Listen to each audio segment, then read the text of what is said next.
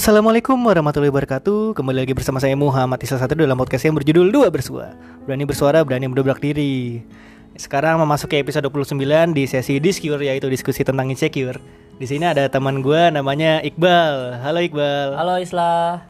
Nah sedikit intermezzo nih. Jadi sebenarnya gue sama Iqbal kenal dari satu komunitas juga Turun Tangan Jakarta. Ya. Ya sekarang juga rekamannya di salah satu tempat base campnya ya Base campnya relawan Turun Tangan namanya Turun Tangan jadi di sini ada Iqbal ingin menceritakan soal eh, insekuritasnya mengenai Mengenai perasaan-perasaan anak-anak broken home. Oh oke jadi Iqbal termasuk orang yang broken home ya. Iya betul. Oke mungkin bisa diceritain nih Iqbal eh, kira-kira lu kan eh, tadi kan kita juga sempat ngomong ya sebelum ini direkam kan lu eh, broken home udah dari lahir kan. Hah, betul. Nah mungkin eh, perjalanan lu dari kecil sampai besar itu rasakan cuma punya satu orang tua yang selalu tinggal sama lu misalnya. Mhm. Itu gimana sih? Sebenarnya dari kecil tuh gue udah nggak tinggal sama orang tua kandung lah. Oh oh, oke. Gue tinggal dan diasuh tuh dari umur sekitar umur satu satu minggu itu sudah sama orang yang tidak mempunyai hubungan darah sama sekali sama gue. Jadi bener-bener orang luar. Nyokap gue waktu nyokap kandung gue waktu gue melahirkan gue sekitar seminggu setelah melahirkan gue, gue dititipin sama eh, temannya nyokap gue. Lalu gue di- diasuh sampai sampai sekarang, sampai sekarang. Cuman nyokap kandung gue ini balik ke Indonesia itu pas gue umur udah kelas 2 SMP gitu. Dan gue tidak mendapatkan kedekatan secara batin sama orang tua kandung gue. Gue tahu itu orang orang tua kandung gue. Gue tahu dia ngelahirin gue. Gue tahu dia ngebiayain gue. Cuman untuk perasaan secara batin itu gue nggak mendapatkan. Even di rumah sendiri. gitu. Oke. Gue lebih mendapatkan perasaan batin itu ke keluarga tiri gue, keluarga yang, ma- yang merawat gue dari kecil. Gitu. Jadi keluarga tiri lu sekarang pendekatan emosional lebih dekat sama lu karena emang udah ngasuh lu dari kecil ya. Iya betul, pendekatan emosional. Sementara kalau menyokap gue ya biasa-biasa aja, kayak ya kayak sama orang biasa aja gitu. Jadi tinggal di rumah pun gue nggak banyak ngomong sama nyokap gue, Oh, nyokap kandung gue, justru untuk interaksi lebih banyak sama orang tua. orang tua tiri. Mm-mm. Orang tua tiri itu eh, apa memang saudara atau apa apa wali? nggak ada hubungan darah sama sekali Oh. tetes pun kalau misalkan misalkan lu nyoba apa namanya lu ngetes nih di Hmm. laboratorium tes darah tes darah gue sama orang tua orang tua ini gue even saudara pun nggak ada Oh, bener-bener jauh orang lain lah gitu hmm. Ngadopsi lu gitu. Mm-mm. Oh, gue dititip terus gue diadopsi. Oke oke. kenapa gue nggak bisa deket sama nyokap kandung gue juga? Karena dari gue kecil sampai sekitar gue umur kelas 2 mau naik kelas 3 SMP itu nyokap gue itu ke mana? Gitu. Ke- kenapa gue nggak bisa mendapatkan perasaan secara emosional? Karena itu. Karena gue di saat membutuhkan seorang sosok nyokap kandung gue nggak nyokap nyokap kandung gue itu nggak ada. Hmm. gue lebih dapat pendidikan dapat pengarahan dapat segala sesuatu eh, pengetahuan itu dari orang luar Hmm. Tapi lu menganggap orang tua tiri lu itu sebagai orang tua kandung karena kan istilah kandung penyematan kandung ini kan buat hubungan darah aja cuma Iya, kan secara emosional belum tentu kita lebih dekat kan. Ah, betul, tahu kita bisa lebih dekat sama teman dan lain-lain. Cuma penyematan lu terhadap orang tua tiri itu apa lu memang menganggap dia sebagai benar-benar orang tua lu apa lu menganggap oh ini dia termasuk orang lain karena nggak hubungan darah sama gua gitu. Kalau gue lebih menganggap orang tua tiri gue ini sebenarnya kebalik ya. Orang orang tua tiri gue ini gue anggap sebagai orang tua kandung gue orang tua kandung gue gue anggap sebagai orang tua tiri gue gitu. Oke oke. Jadi memang sebenarnya pendekatan emosional juga udah kuat sama orang tua tiri. Karena emang udah merawat lu secara baik ya. secara kecil. Dan orang tua tiri gue tuh sebenarnya banyak. Oh, ada, ada dua. Dua keluarga. Dua ya dua keluarga Oh, oke oke. jadi uh, pas gue lahir itu gue diurus sama orang tua tiri gue yang pertama Hmm. sekarang dia udah meninggal udah jadi udah almarhum Hmm. terus gue sekarang lebih dekat ke orang tua tiri gue yang kedua itu masih ada Oh, oke oke oke. Mm. cuman kalau buat tinggal ya gue uh, satu rumah sama nyokap kandung karena orang tua tiri gue ini udah punya anak Oh, oke oke. terus uh, kebutuhannya juga lebih besar kan kalau harus ngurus gue juga di di satu rumah gitu Tapi dia sebenarnya masih menerima lu kan walaupun lu secara itu nggak enak ya karena dia udah punya anak. Mm. Cuma lu tetap diterima dengan baik sama orang tua Iya. lu yang kedua. gue nggak tahu sih dia merasakan enak atau tidak cuman gue mungkin lebih sadar diri ya Iya. karena mereka udah punya anak tiga kan anaknya orang tua gue orang tua diri gue itu anaknya tiga jadi gue lebih eh, sadar diri kalau ada kehadiran gue itu bakal memba- membebani mereka Oh, oke ya. Berarti atas kesadaran diri dulu kan, bukan atas misalnya ada kata dari dia enggak kan? misalnya? enggak Oke, oke. gue masih ini kok masih apa namanya masih disuruh main ke sono Oh, suruh nginep di sono gitu suruh tinggal gue disuruh disuruh jagain adik-adik gue juga kan Hmm. adik-adik gue di sono kan masih sekitar yang paling besar itu naik umur umur pokoknya mau masuk SMA yang kedua kelas 3 SMP yang yang terakhir itu baru kelas 2 SD oh, oke oke. Ah, cukup cukup ini ya, cukup menarik ya. Eh, Ketika lu diasuh oleh or- dua orang tua tiri ya, dua Iya. keluarga orang keluarga orang tiri. Ah, Nami, eh, tadi kan lu juga udah sempat sekarang tinggal sama ibu kandung juga kan? Sekarang apakah eh, ibu kandung lu mencoba untuk mencoba apa? Eh, mengambil emosi lu sehingga bisa dekat sama dia nggak? Atau justru memang cuma pulang aja sebagai rumah, cuma bukan sebagai tempat untuk bisa eh, apa ya mendekatkan secara emosional sama orang tua gitu? kalau menurut pandangan gue ya Hmm. dari orang tua kandung gue memang ada usaha gitu buat mendekatkan secara emosional Oke. cuman balik lagi ke gua ke gua sendiri ini gua nggak bisa gitu loh even dicoba dicoba sekeras apa pun effort seusaha apa pun gua nggak bisa Hmm. gitu gua pernah nyoba dan itu nggak benar-benar nggak dapat sampai sekarang Jadi rasa canggung gitu. jadi ya? canggung gitu. Oh, gue jadi cuman ngobrol sama orang tua kandung gue ya seperlunya aja selebihnya ya gua melakukan kegiatan sendiri Hmm. kayak sekarang gue tinggal apa, apa bukan tinggal Hmm, melakukan kegiatan di mana-mana ya di luar kendali orang tua kandung gue Oh. gue lebih laporan tuh kayak laporan gue ngelakuin kegiatan ini gue lebih ke orang tua gue yang kiri yang kedua Oh, oke oke. jadi gue mau ngapa-ngapain gue kasih tahu orang tua tiri gue gue mau melakukan apa gue kasih tahu ke mereka bukan ke orang tua kandung gue Jadi lu untuk lebih terbukanya ke orang tua tiri. Mm-mm. Kalau ke orang tua kandung sebatas apa keterbukaan lu sama dia? Apa misalnya sebatas udah makan atau gimana? ya sebatas itu doang Udah makan sebatas atau belum gitu gitu doang heeh. sebatas ya iMatch doang lah Oh, iMatch kalau memang dia orang tua kandung gua, selebihnya enggak. Udah. berarti dulu yang ngurus sekolah lu segala macam itu orang tua tiri. Orang tua tiri semua tuh dari biaya sekolah, dari biaya hidup.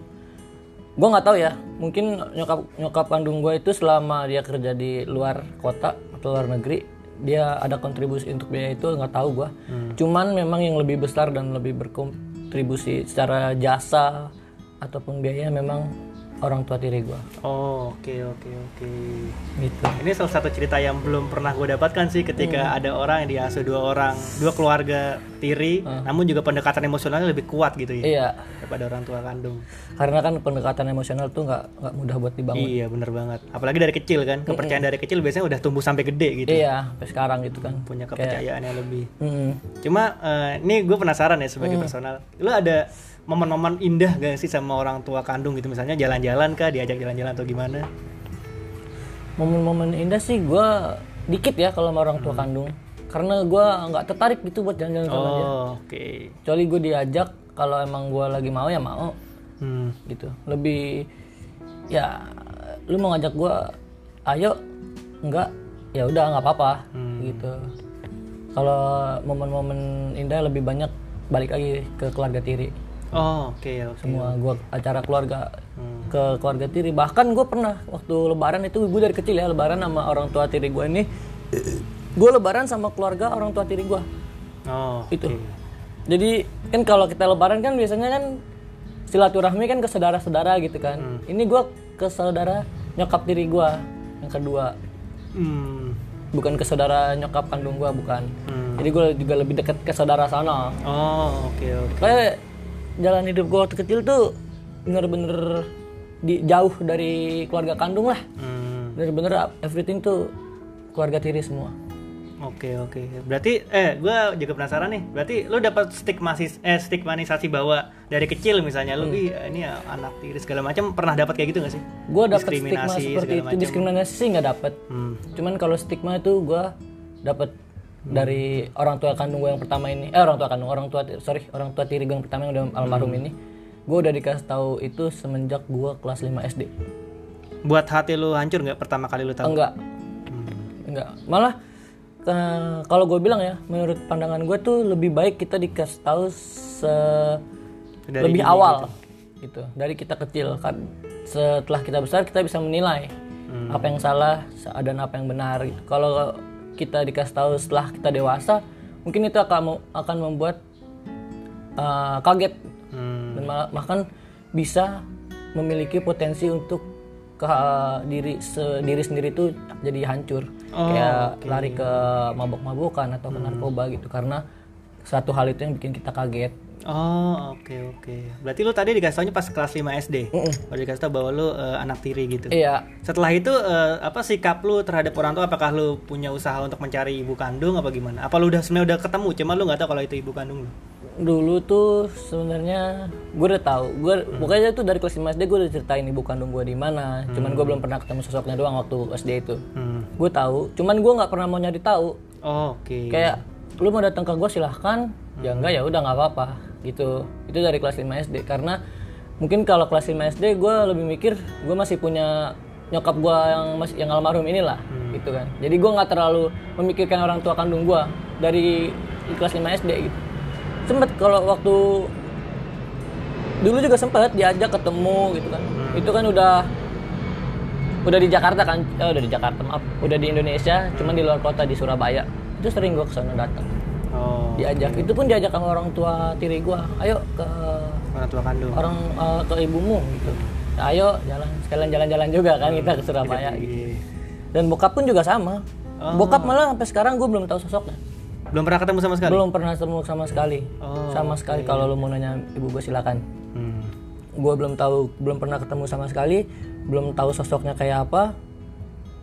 Fotonya pun nggak ada gitu Nggak ada sama sekali. nggak ada sama sekali pokoknya dokumentasi tentang bokap gue tuh nggak ada sama sekali Oh, oke oke. sama sekali nggak ada gitu Lu pernah misalnya nyoba-nyoba tanya ke ibu kandung lu mungkin untuk sosok bokap? Hmm, enggak sih gue nggak pernah nanya cuman kalau ada eh barat kalau ada orang yang nanyain sih mungkin ada kan kayak ngasih tahu tuh bokap lu di sana tuh gini gini gini Hmm. bokap lu di situ kan kan rumah bokap tuh kan dekat sama rumah gue di Depok kan Hmm. ya gue bodo amat biarin Oh, oke. Ya paling gue cuma jawab, ya ya udah biarin aja. Gitu. Karena gue emang nggak tertarik sih, nggak interest banget buat nyari bokap gue itu. Hmm. Kayak apa ya? I don't give a shit. Gitu. Hmm. Ya dia mau datang silakan, enggak ya udah. Oh oke oke. Jadi eh, apa ya? eh, ikatan darah sebenarnya nggak cukup berarti ya karena memang lu nggak punya pendekatan emosional ke Iya. orang tua kandung kan. Karena pendekatan emosional ini kan mungkin yang gua gua termasuk orang yang keluarga gua atau saudara gua tuh biasanya sangat eh, meng, apa ya? Sangat menekankan bahwa ikatan darah tuh penting kan karena mungkin emang ikatan darahnya masih kuat kayak orang jauh dan sebagainya. Cuma lagi-lagi kalau gue punya perspektif baru dari lu bahwa sebenarnya ikatan darah itu tidak memungkinkan bahwa eh, pendekatan emosionalnya bisa lebih kuat gitu ya. Iya, sebenarnya lu punya lingkungan yang bisa ngebentuk ikatan emosional lebih kuat daripada sama ikatan darah. Iya betul. benar banget sih. Ya, menurut gue juga seperti itu sih, karena di atas ikatan darah tuh ada harus ada ikatan emosional yang harus terbentuk juga, gitu kan. Dan anak-anak brokonom ini mempunyai perasaan yang tidak dirasakan oleh anak-anak yang keluarganya harmonis. Gitu. Hmm. Kayak gue pernah cerita tentang keluarga gue gini ke uh, teman gue yang keluarganya harmonis gitu Hmm. gue nggak bisa mendetailkan sih ekspresinya dia seperti apa cuman gue bisa menangkap kalau mereka kalau sebenarnya mereka itu nggak mencerna curhatan kita tentang itu. Oh, karena mereka nggak paham. Ah, ah, betul. Karena mereka nggak paham dan mereka mereka itu yang keluarga anak-anak keluarga harmonis yang mendengarkan curhat anak-anak berokonomi itu cuman sekedar merespon seadanya doang. Hmm. jadi kayak seolah-olah kayak curhatannya curhatan kita tuh didengerin padahal dia nggak paham gitu. Dan anak-anak brokonom juga kan ada beberapa kayak misalkan uh, entah orang tuanya berantem gitu kan entah orang tuanya ada tapi nggak mau ngurus Hmm. atau juga yang sama kayak gua gitu kan ada beberapa jadi perasaannya tuh beda-beda yang cuman yang bisa yang cuman bisa dipahami oleh orang-orang yang mengalami kejadian yang kejadian yang sama gitu Hmm, oke oke. Tapi untuk orang tua kandung lu sama orang tua tiri lu tuh akrab gak sih? Apa memang punya pendekatan juga? Eh, sebenarnya kalau dibilang akrab sih nggak terlalu akrab ya Hmm. gue bisa gue bilang antara orang tua kandung gue dan orang tua tiri gue ini bisa akrab karena ada gue Oh, lu sebagai jembatannya. gue aja sebagai jembatan untuk meng- mengakrabkan mereka Keluar, antara keluarga kandung gue dan keluarga tiri gue ini sebenarnya ada perang, perang dingin lah tanda kutip Hmm. sebenarnya dalam mungkin dalam hati mereka tuh nggak suka gitu loh Oh, sih, sih. orang tua kan orang tua tiri gue sering cerita keburukan orang tua eh, keluarga kandung gue dan sebaliknya juga gitu Oh, oke, oke.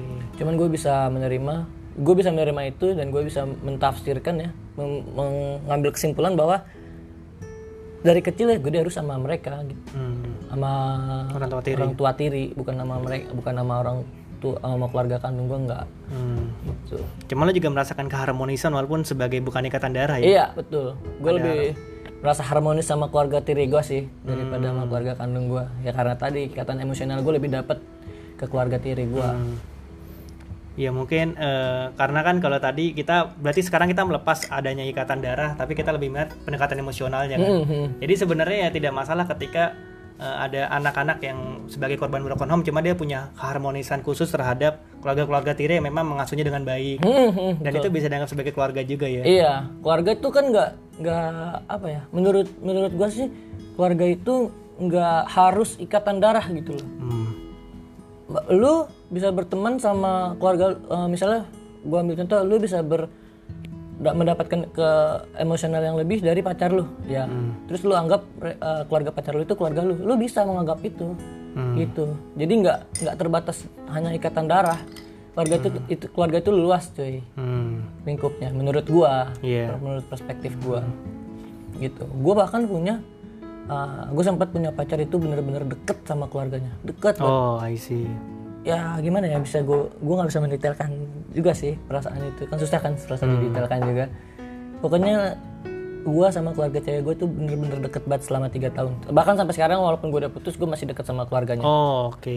gitu. Karena apa? Karena pe- pendekatan emosional gue lebih dapet ke mereka daripada ke keluarga kandung gue Hmm.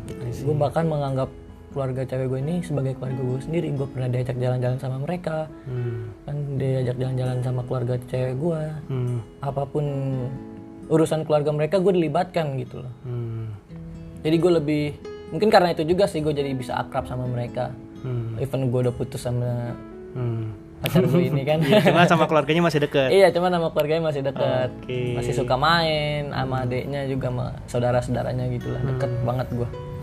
Apakah kondisi lu yang sekarang yang membuat pengalaman-pengalaman lu jadi membuat lu bisa lebih terbuka terhadap orang lain sehingga bisa punya pendekatan emosional lebih gitu? Karena kan kalau misalnya banyak ini dari perspektif gue ya, gue melihat banyak realita bahwa banyak anak-anak yang sangat dekat dengan orang tuanya sehingga dia tidak bisa membuka atau inklusif terhadap keluarga lain yang mungkin mau masuk. Misalnya dia mau dekat sama orang lain juga susah karena emang udah terlalu dekat sama orang tua secara darahnya misalnya. Itu yang membuat lu sekarang terbuka nggak sih sama banyak orang sehingga bisa dekat secara emosional? Tadi kayak sama keluarga cewek lu misalnya atau sama teman-teman di turun tangan misalnya.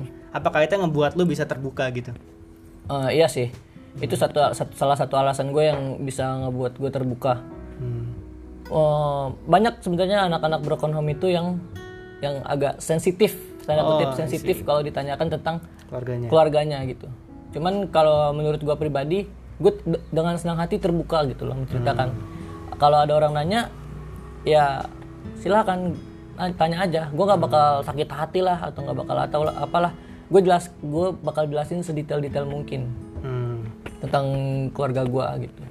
Karena dari situ orang bisa eh, dapat sesuatu yang bisa kita rasakan juga gitu loh. Kita juga bisa menilai orang itu seperti apa ke kita Hmm. gitu dari situ juga. Banyak kok eh, teman-teman di turun tangan ini juga beberapa sudah ada yang tahu karena mereka kan sudah menanyakan kan. Hmm. Gua nggak bak gua terbuka cuman kalau ada yang menanyakan kalau nggak menanyakan yang nggak perlu cerita tahu. ya Iya. Hmm, bener-bener Karena kalau kalau kita kasih tahu tanpa ada orang yang menanyakan kan juga kesannya apa gitu. Rasanya aku bangga Kok tau tahu lu tau tahu lu menceritakan seperti itu, lu pe- pengen dikasih rasa iba atau iya apa gitu bener-bener kan. bener banget Itu ada orang menanyakan silakan lu tanyakan aja gitu. Hmm.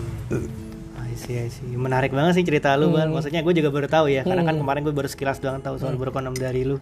Cuman lagi-lagi yang tadi gue, ya gue mungkin sebagai orang yang tadi lu cerita bahwa gue belum bisa punya rasa yang sama dengan lu karena emang gue belum paham terlalu paham mengenai kondisi broken home khususnya. Cuma gue punya sedikit simpati ketika lu tadi yang kayak punya dua keluarga tiri yang bahkan gue belum baru tahu nih ada kasus kayak gini. nih. Jadi ketika keluarga satu tiri, eh keluarga tiri pertama udah almarhum, diasuh dengan keluarga tiri yang kedua dan pendekatan emosional juga masih kuat kan. Masih kuat. Hmm, ya, itu menarik banget sih bal Hmm, dan gue baru tahu ada perspektif seperti ini hmm, banyak tuh perspektif. lo punya misalnya banyak kenalan teman broken home dan mungkin buat satu apa paguyuban misalnya itu gue teman-teman broken home sih banyak ya. Oh, di tempat kita bikin ini juga ada beberapa orang sebenarnya. Cuman kalau misalkan buat ada kan uh, kayak sekelompok komunitas yang yang isinya itu anak-anak broken home semua gitu. Hmm. ada kelompok itu. Cuman gue nggak ikut. Cuman kalau temen gue banyak teman-teman teman-teman anak-anak broken home tuh banyak dan gue bisa memahami mereka semua. Hmm. dan cerita tentang broken home-nya broken home-nya itu beda-beda semua. Ada yang keluarganya berantem ada yang eh, nggak cerai cuman berantem jadi eh, anak temen gue ini setiap eh, bukan setiap hari dan setiap saat sih kayak di suatu satu di saat-saat tertentu dia ngeliat orang tuanya berantem oh Gitu. ngeliat orang tuanya berantem orang tuanya cerai atau ya yang gak diasuh sama orang tuanya padahal orang tuanya masih hidup gitu Hmm. ada yang kayak gitu Oh. temen gue juga ada kok yang orang tuanya tuh dua-duanya masih hidup cuman dia nggak mau nggak mau ngurus gitu loh. Hmm. jadi temen gue ini diurus diusut diurus sama neneknya. Oh kurang lebih sih sama kayak gue cuman kalau gue kan dari yang ngurus gue dari kecil tuh bener-bener dari orang luar lah. Hmm. orang lain yang ngurus gue gitu. Da- eh, dan efek-efek anak-anak broken broken home ini sebenarnya bermacam-macam ya. Hmm. ada yang kaget terus jadi timbul deket ke mabok-mabokan narkoba ada yang memang dia memahami jadi dia bisa mengambil jalan yang benar gitu. Hmm. banyak uh, kasus-kasus anak-anak broken home itu yang orang tuanya berantem dia melihat orang tuanya berantem terus dia stres depresi pada akhirnya mendekatilah alkohol gitu kan. Mendekati alkohol lama-lama berkembang mendekati narkoba. Padahal dalam segi ekonomi bisa dibilang dia menengah kelas atas menengah ke atas gitu cuman karena tadi kan broken home dan dia kaget seperti itu itu bisa merusak diri sebenarnya menurut gua karena alkohol dan narkoba itu bukan tempat pelarian yang cocok Hmm. buat suatu masalah gitu Oke oke. Berarti kalau dari keluarga tiri lu yang pertama itu apakah pas lu kecil emang udah dididik dengan baik sama dia kan itu sebagai agen sosialisasi primer ya kalau dalam sosiologi ya. Keluarga itu sebagai agen sosialisasi primer. Cuma ketika eh, lagi-lagi sekarang kita membuang rasa apa eh, ikatan darah ya karena kan keluarga itu bisa dari mana aja. Apakah keluarga lu itu yang eh, keluarga pertama ya dari lu masih kecil itu menjadi eh, sosialisasi pertama yang baik gitu buat lu? Misalnya untuk mengenal lingkungan, mengenal pendidikan dan lain-lain. baik banget. Baik banget. Gue memang dapat itu dari keluarga tiri gue yang pertama dari nyokap tiri gue yang pertama yang udah meninggal ini. Gue dapat semua itu dari dia Oh, tentang pelajaran moral segala macam. Cuman karena memang mungkin pribadi gue tuh bandel ya. Gitu. Iya. dari kecil tuh gue memang udah suka membangkang lah kan tanda kutip suka membangkang. Jadi gue nakal lah gitu pokoknya. Dalam diri gue sendiri tuh ada potensi nakal. Jadi ya seperti itu. Sebenarnya kalau ditanya tadi hmm, eh, apa ya, pendidikan yang diberi bagus bagus banget karena emang guanya nakal aja gitu. Tapi seenggaknya lu menghormati ya, menghormati keluarga tiri pertama dan yang kedua sekarang. iya menghormati jelas dong jadi yang ngasuh kan Hmm. ya kali kita nggak hormatin kan nah itu juga sih sebenarnya gua ada rasa kurang mungkin yang dengar ini ntar bakal kesel sih sama gua Hmm. gua ada rasa kurang hormat lah sama keluarga kandung gua Hmm. hormat ada cuman ke nyokap tiri nyokap nyokap kandung gua sama adik nyokap kandung gua doang. Hmm. selebihnya enggak. Gua pernah kok berantem sama nenek gua segala macam. Nenek nenek kandung. nenek kandung Oh, Oke oke. gue pernah berantem dan itu disaksikan oleh teman-teman gue yang datang ke rumah. Disaksikan saksikan oleh tetangga gitu. Karena memang gue nggak ada rasa hormat ke mereka gitu kan. Hmm. cuman kalau ke keluarga tiri gue nggak pernah. Gue nggak berani. Karena dia yang merawat gue dari kecil juga Oke oke. Karena kan juga gue sendiri juga nggak percaya kesakralan ya. Ketika ada sesuatu yang sakral dan di di apa ya dipandang wajib, gue nggak terlalu suka. iya iya Pengharusan itu misalnya pengharusan terhadap hormat sama satu darah misalnya. Mhm. Itu gue juga nggak terlalu suka. Jadi gue bisa memaklumi cerita lu ya. iya antara lu membuang rasa kesakralan di mana ikatan darah bagi orang itu wah lu harus menghormati karena lu satu ikatan darah Hmm. apakah hanya itu salah satu indikator agar kita bisa hormat belum tentu kan iya belum tentu karena punya kayak tadi pendekatan emosional menjadi faktor utama juga kan Hmm. apakah lu bisa menghormati dia apa enggak enggak. Iya betul betul banget. Pendekatan emosional pendekatan emosional itu yang utama iya. sebenarnya. Jadi kalau misalnya tadi ya kayak kayak keluarga kandung lu mungkin nggak bisa melewati batas eh, pendekatan ke- apa pendekatan emosional dan dia langsung minta misalnya dihormatin misalnya. Hmm. ada contoh yang misalnya minta dihormatin cuma dia nggak menggunakan pendekatan emosional itu juga nggak baik juga. Hmm, nggak baik. Dan gue nggak akan nerima itu. jatuhnya takut kan Iya. bukan hormat kan. Takut. Ya takut karena ada satu hal yang dari kitanya aja gitu Hmm. dia cuma memaksa gitu kan memaksa untuk dihormati juga kan kayak kesannya gila hormat gitu Iya. kan. Lu nggak ngapa-ngapain terus lu minta dihormatin. Nggak ada kontribusi terus minta dihormatin segala macem. Gue nggak bisa nerima itu juga. Oke oke. Gitu. Jadi ya itulah sekiranya kan. Hmm. sana seru lah sebenarnya kalau misalkan Tapi lu menikmati, maksudnya menikmati perjalanan lo hingga sekarang kan, walaupun dengan mungkin bagi banyak orang yang punya keluarga harmonis, oh kok eh, apakah Iqbal sedih pas lagi gini-gini? Cuma kan, apakah lu menikmati nggak sih perjalanan lu selama ini? kalau gue pribadi sih gue menikmati sebenarnya ya namanya hidup kan kita harus menikmati gokil. gitu kan iya iya. menikmati sih gue menikmati walaupun dengan keluarga gue yang seperti itu Hmm. gue bisa dapet circle keluarga tuh di mana aja Iya. kalau dari perspektif gue Hmm. dan apa yang gue rasakan itu mungkin beda dengan anak-anak broken home yang lainnya Hmm. Gitu Itu secara lu pribadi ya, karena Hmm, intinya kuncinya bahagia. Mm-mm. Karena sekarang ya gue melihat pandangan secara general aja masyarakat general ketika masyarakat itu punya sesuatu yang normal kan orang mengenormalkan sesuatu kan. Hmm. Normalisasi misalnya ah lu kalau misalnya sukses lu harus punya keluarga harmonis, iya terus lu punya ke harta yang banyak, harta melimpah, terus juga misalnya lu punya cewek cantik dan sebagainya ibaratnya. iya. Itu kan menormalisasi, menormalisasi kesuksesan dan kebahagiaan kan. Hmm, hmm. Cuma lu sendiri pun tanpa ada kenormalan itu lu bisa bahagia Bisa jatuhnya. bahagia. tanpa lu tadi kayak punya keluarga yang keluarga kandung yang harmonis misalnya. Hmm. Dengan apa latar belakang yang baik misalnya. Itu nggak membuat belum tentu membuat orang bahagia ya, Bang. Iya, belum Justru dari lu itu sendiri lu bisa menik, lu bisa membahagiakan sesuatu yang nggak normal bagi orang. iya betul betul banget Dan itu yang penting sih. penting banget gitu Kayak mengadaptasi mengadaptasi sesuatu Hmm. menjadi kebahagiaan. Iya betul betul banget sih. Karena memang kebahagiaan eh, kebahagiaan ini bisa didapatkan dari lingkungan mana aja. Hmm, benar benar benar. Even di luar keluarga, Hmm. Lu bisa mendapatkan kebahagiaan itu dari temen, dari kegiatan yang lu jalani, dari pekerjaan yang lu jalanin, dari apa pun yang lu jalanin dengan rasa bahagia itu enak. Hmm. Kayak kita nyaman gitu. Kecuali kita dipaksa. Oh. Itu benar-benar gak enak banget kalau kita melakukan sesuatu dipaksa. Hmm. Mungkin ini dari segi Iqbal cuma kalau kita lihat Broken Home lain kita nggak tahu ya karena Iya. kita nggak bisa generalisasi. Nggak Cuma lagi-lagi ini kita coba ini ya merekomendasikan bahwa kebahagiaan itu bisa datang dari mana aja, Iya. bukan hanya dari keluarga yang harmonis. Bahkan keluarga harmonis belum tentu membuat anaknya bahagia. Hmm, betul. Keluarga yang harmonis juga belum tentu membuat anak membuat seorang anak tuh bahagia. Karena entah karena tekanan batin, Iya. stres atau apa pun kan keluarga yang kadang-kadang banyak keluarga yang harmonis tapi nggak terbuka gitu loh sama anak. Hmm. Jadi dia lingkur utuh nyokap bokap ada nyokap bokap anak ada di satu rumah cuman mm, nggak terbuka gitu lah antara sesama.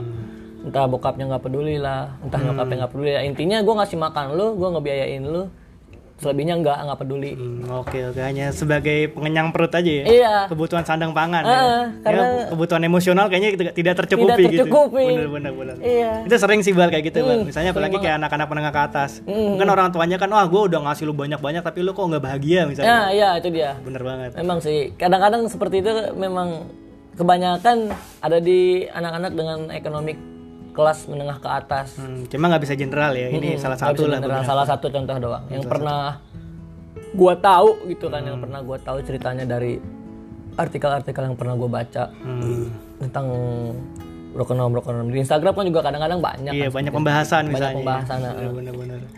Tapi nggak semua, mungkin nggak semua anak broken home bisa eh, apa ya mem- mempunyai rasa yang sama kayak lu misalnya tiba-tiba di sekarang dia masih stres masih melihat Hmm. Iya. romantisasi bahwa ini ada keluarga teman gue yang harmonis jadi gue merasa depresi atau minder Hmm. mungkin itu ada ya teman-teman itu dan nggak bisa disalahkan juga karena nggak bisa emang disalahkan mereka mengidam-idamkan kan Hmm. keluarga seperti itu cuma mungkin lo ada pesan gak sih buat teman-teman yang sekarang broken home dan eh, mencoba untuk bisa bahagia dengan cara gimana nih misalnya Hmm. pesan gue sih kalau buat anak-anak broken home sih kita ini anak-anak spesial Hmm. gitu. Kita anak-anak yang dilahirkan dengan spesial. Kenapa gue bilang spesial? Karena kita mempunyai mental yang kuat. Hmm. gitu. Cuman banyak juga sih yang mental yang gak kuat. Yang tadi gue bilang eh, jadinya ujungnya ke mabuk-mabukan narkotika gitu kan. Hmm. cuman sekali lagi gue tegasin buat anak-anak broken home ini kita bisa mendapatkan kebahagiaan tuh di mana pun. Tanpa adanya keluarga. Gitu. dan keluarga itu bukan sekedar bukan sekedar salah maaf keluarga itu bukan tempat untuk kita belum tentu bukan tempat untuk kita mengadu sesuatu gitu. Hmm. banyak keluarga kok yang nggak paham apa yang dirasakan anaknya Iya benar-benar. dan sekali lagi menurut gua hubungan darah itu nggak menjamin semuanya Hmm. percuma kalau lu deket sama keluarga kandung cuman lu nggak dapet emosionalnya lu nggak bakal dapet kepuasan dan kenyamanan itu Hmm. doang sih pesan gua. Kita tuh anak-anak spesial. Hmm, gokil gokil. dengan mental yang dengan mental mental yang kuat. Iya. yang gue yang gue bisa pastikan sih semua anak broken home ya. Bukan semua. Hampir eh, sekitar 75% anak-anak broken home itu mempunyai mental yang kuat. Walaupun sebentar mentalnya pasti hancur dengan kesadarannya mereka pasti mereka membentuk suatu mental yang kuat karena mereka sudah terbiasa. Karena mereka sudah terbentur dari kecil, Ah, terbentur secara emosional sehingga bisa terbentuk di masa depannya. apalagi ketika dia udah menghadapi realitas sosial yang mungkin juga eh, terbenturnya itu udah dari kecil, dari, dari bahkan dari lingkungan keluarga yang menjadi agen sosialisasi utama atau primer kan. Hmm, di situ dia udah terbentuk mentalnya biar udah, udah jadi kuat sehingga ketika dia menghadapi realitas sosial di masyarakat dia udah bisa sadar bahwa gue punya mental yang kuat ketika gue masih kecil, gue udah Iya. jadi terbentur-bentur oleh banyak masalah misalnya kayak keluarga dan lain-lain. Jadi Iya, pasti dia udah siap untuk menghadapi realitas sosial yang terjadi di Iya, sekitar betul masyarakat. banget. Dengan segala sesuatu yang ber berbenturan dengan mental dia pasti kuat kok anak-anak broken home itu walaupun dengan latar belakang yang Hmm. kurang harmonis di dalam konteks keluarga ini gitu kan. Itu doang sih pesan gua. Nah, untuk sekarang Iqbal juga kan juga udah sering berkomunitas nih selesai itu Runcangan Jakarta, mendapatkan teman-teman yang bisa dijadikan keluarga juga, Iya, keluarga betul, baru. betul Lu juga sering nginep di sini kan? Mm-mm. Gila Gua gila. nginep di kantor pusat nah. kantor pusatnya gila lu. Ada teman-teman orang turun tangan Jakarta nginepnya di kantor pusat. Gak apa-apa, gak apa-apa. Jadi di sini memang banyak teman-teman yang bisa merasakan juga kan. Iya betul. Bisa bisa saling sharing-sharing juga, Mm-mm. bisa berbagi pengalaman. Karena di sini lebih enak sharing daripada di rumah sendiri. Iya bener-bener bisa lebih terbuka ya bang. Hmm, bisa lebih terbuka. Gila gila. Mau jadi iya apa kalau kemarin kata lu tuh rumah belum bukan menjadi tempat untuk Rumah cuma jadi tempat buat singgah doang. iya bukan menjadi tempat untuk pulang. Bukan menjadi tempat untuk pulang. Gila gila. Sangat filsafat sekali. Oke, mungkin itu aja kali ya, Bang. Iya, iya, Semoga teman-teman mungkin yang pendengar ada yang broken home juga atau Hmm. punya masalah sama keluarga, eh seenggaknya bisa dapat insight baru nih dari Iqbal mengenai eh, pengalaman-pengalaman Iqbal tadi dan Oh ya juga satu lagi lah. Oh iya silakan. Ini maaf gue potong ya. Santai-santai. Eh, buat kalian yang punya teman-teman bukan maksudnya gue bukan ngomong secara kita Iya, berdua doang hmm, nih banyak nih, banyak, secara banyak. luas gini kan Eh, buat kalian yang punya teman-teman anak-anak broken home dan ataupun yang mempunyai pacar broken home Hmm. itu gue saranin lu jaga baik-baik mereka Hmm. karena pacar gue juga anak broken home juga kan Hmm. lu jaga baik-baik mereka karena mereka punya perasaan yang lebih ngerti Eh, mereka punya perasaan yang nggak dimiliki sama banyak orang itu doang sih jadi ya kalau punya teman-teman atau punya pacar yang broken home jaga baik-baik lah Oke. jangan sampai membuat eh, sakit hati gitu karena emang lebih sensitif kan. Perhatikan aja kata-katanya gitu kalau setiap kita ngomongin tentang yang mendekati keluarga ke mereka gitu. Udah gitu doang sih lah. Jadi lebih dirangkul ya. iya lebih dirangkul juga itu Oke oke. Terima kasih banget nih buat Iqbal yang udah sharing-sharing seputar masalah pribadinya. Mungkin bukan jadi masalah tapi jadi motivasi bangkitnya tuh gimana sih? Iya betul betul. Bagaimana eh, apa masa lalu masa lalu bisa ngebentuk sampai sekarang? Ini bukan menjadi masalah bagi lo ya Bal? Bukan nggak ini bukan menjadi masalah sama sekali buat gua. Malah gua lebih membuat me- membuat ini sebagai motivasi sih. Motivasi sebagai buat menjalani hidup gokil untuk gokil. mendapatkan kebahagiaan. Gila gila. Seenggaknya bahagia utama. Iya iya bahagia sukses belum tentu bahagia ya? Iya sukses belum tentu harmonis bahagia. belum tentu bahagia benar-benar. Oke terima kasih Abal siap kita akan lanjut di segmen kedua nih segmen obas nih dengan tema yang lain. Oke wassalamualaikum warahmatullahi wabarakatuh